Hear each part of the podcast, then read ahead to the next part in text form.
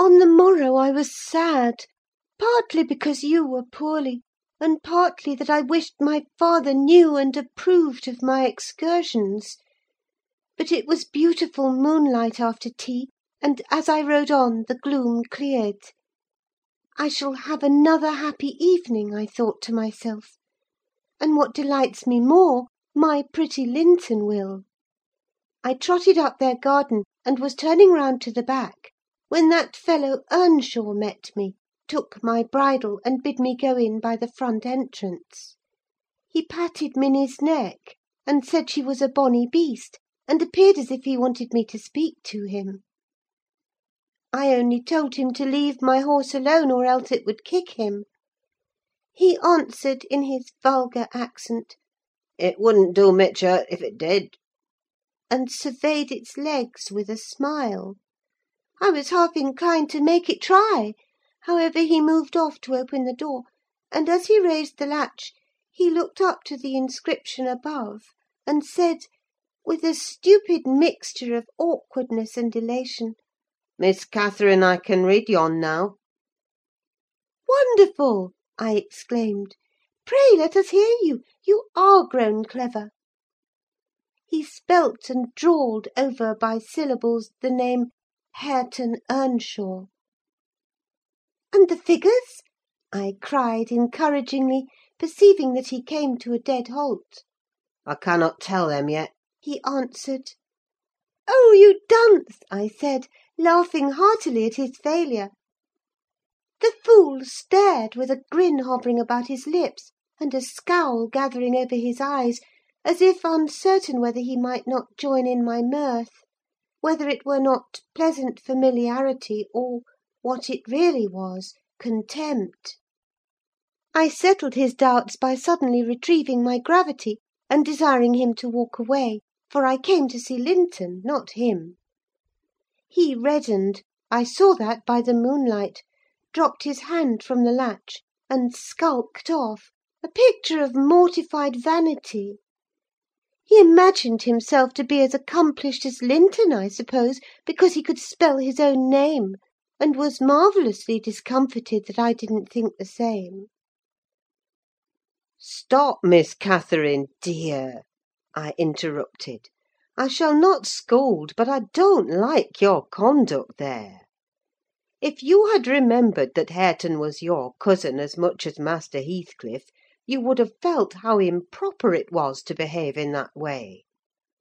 At least it was praiseworthy ambition for him to desire to be as accomplished as Linton; and probably he did not learn merely to show off: you had made him ashamed of his ignorance before, I have no doubt, and he wished to remedy it and please you. To sneer at his imperfect attempt was very bad breeding. Had you been brought up in his circumstances, would you be less rude? He was as quick and as intelligent a child as ever you were, and I'm hurt that he should be despised now, because that base Heathcliff has treated him so unjustly." "Well, Ellen, you won't cry about it, will you?" she exclaimed, surprised at my earnestness. "But wait, and you shall hear if he conned his ABC to please me, and if it were worth while being civil to the brute. I entered: Linton was lying on the settle, and half got up to welcome me. "I'm ill to night, Catherine, love," he said, "and you must have all the talk, and let me listen. Come and sit by me.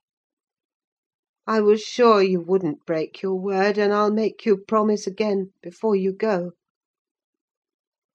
I knew now that I mustn't tease him as he was ill, and I spoke softly and put no questions, and avoided irritating him in any way. I had brought some of my nicest books for him. He asked me to read a little of one, and I was about to comply, when Earnshaw burst the door open, having gathered venom with reflection. He advanced direct to us, seized Linton by the arm, and swung him off the seat. "Get to thy own room!" he said, in a voice almost inarticulate with passion, and his face looked swelled and furious. "Take her there, if she comes to see thee: thou shalln't keep me out of this. Begone with you both!" He swore at us, and left Linton no time to answer, nearly throwing him into the kitchen; and he clenched his fist as I followed, seemingly longing to knock me down. I was afraid for a moment, and I let one volume fall: he kicked it after me, and shut us out.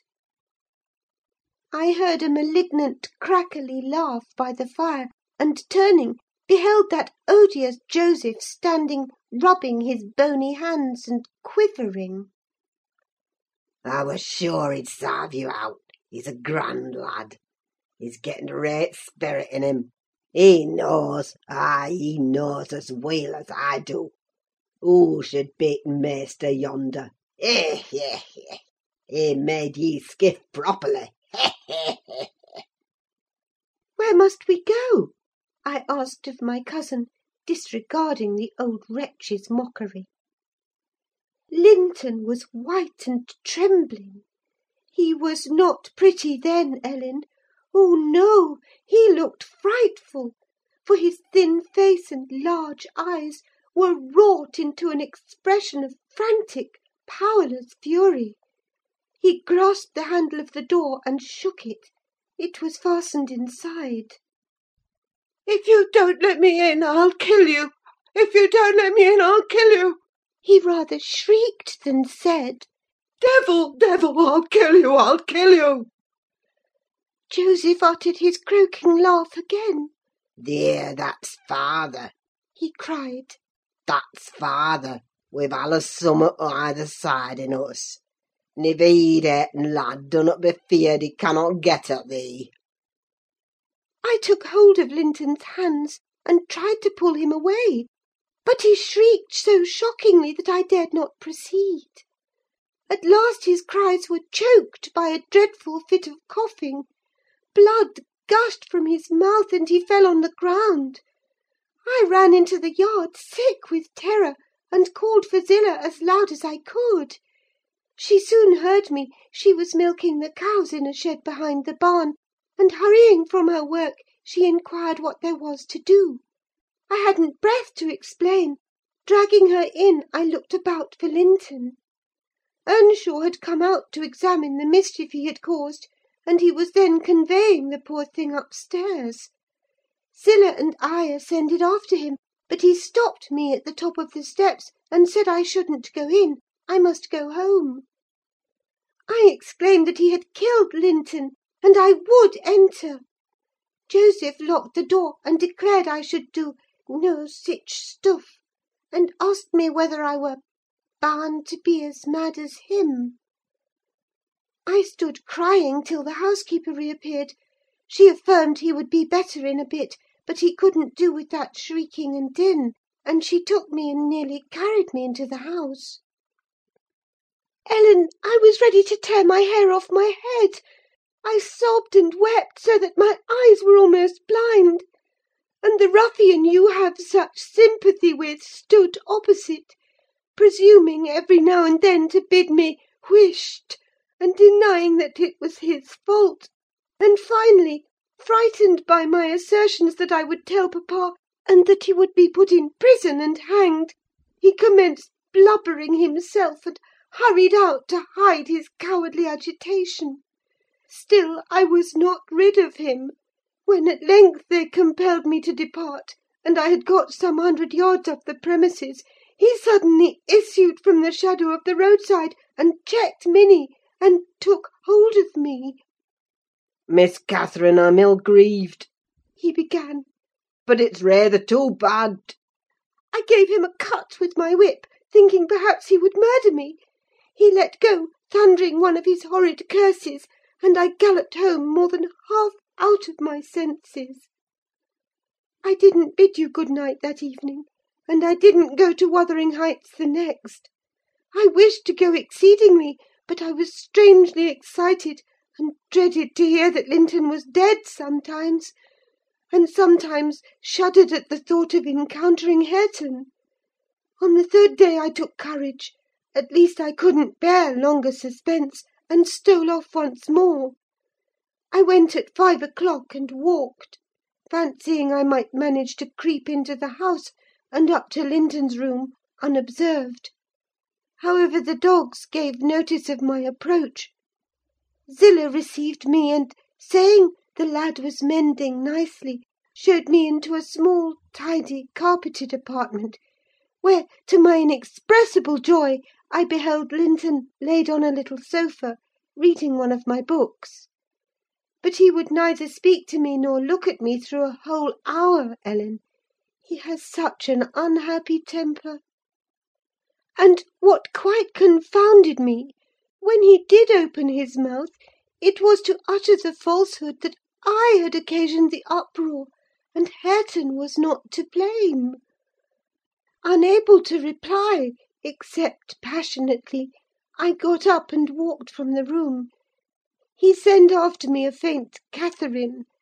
He did not reckon on being answered so; but I wouldn't turn back, and the morrow was the second day on which I stayed at home, nearly determined to visit him no more.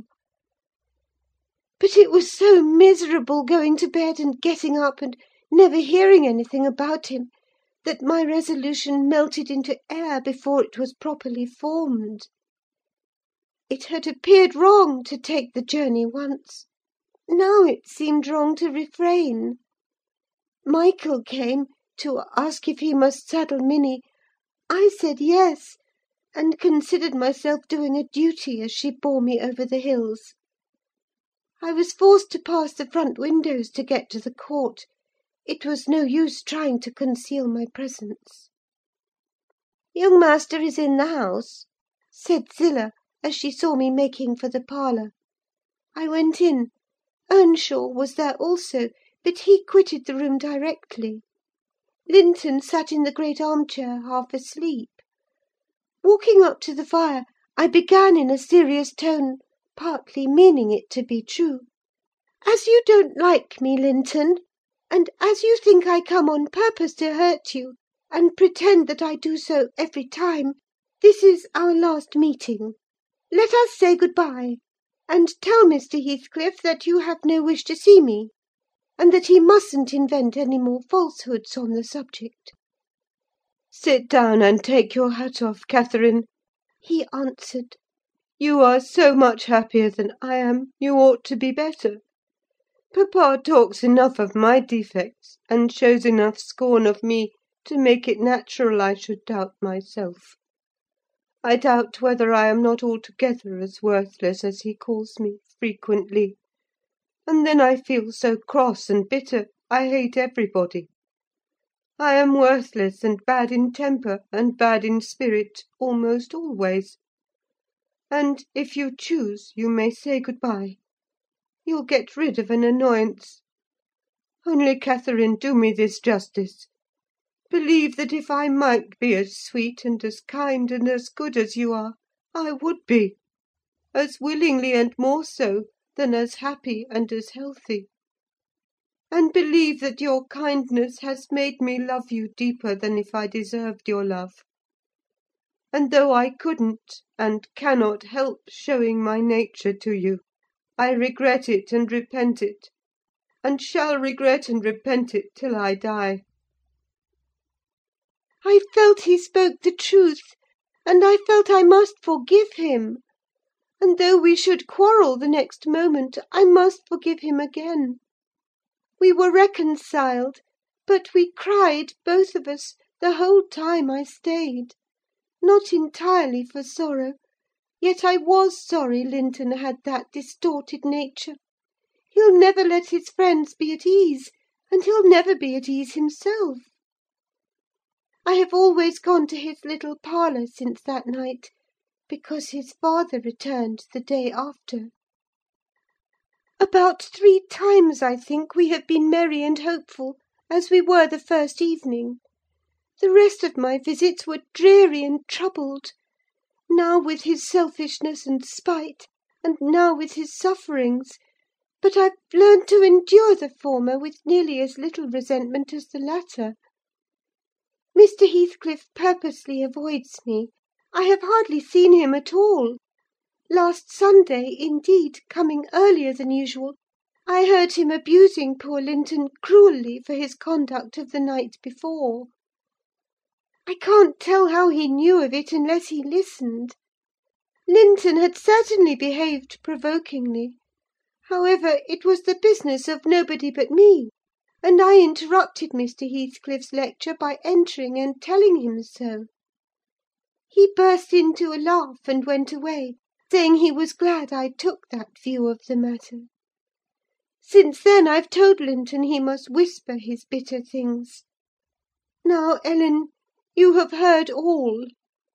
I can't be prevented from going to Wuthering Heights, except by inflicting misery on two people; whereas, if you'll only not tell papa, my going need disturb the tranquillity of none. You'll not tell, will you? It will be very heartless if you do." "I'll make up my mind on that point by to morrow, Miss Catherine," I replied. "It requires some study; and so I'll leave you to your rest, and go think it over." I thought it over aloud, in my master's presence; walking straight from her room to his, and relating the whole story, with the exception of her conversations with her cousin, and any mention of Hareton. Mr. Linton was alarmed and distressed more than he would acknowledge to me. In the morning, Catherine learned my betrayal of her confidence; and she learned also that her secret visits were to end. In vain she wept and writhed against the interdict, and implored her father to have pity on Linton. All she got to comfort her was a promise that he would write and give him leave to come to the Grange when he pleased; but explaining that he must no longer expect to see Catherine at Wuthering Heights. Perhaps, had he been aware of his nephew's disposition and state of health, he would have seen fit to withhold even that slight consolation.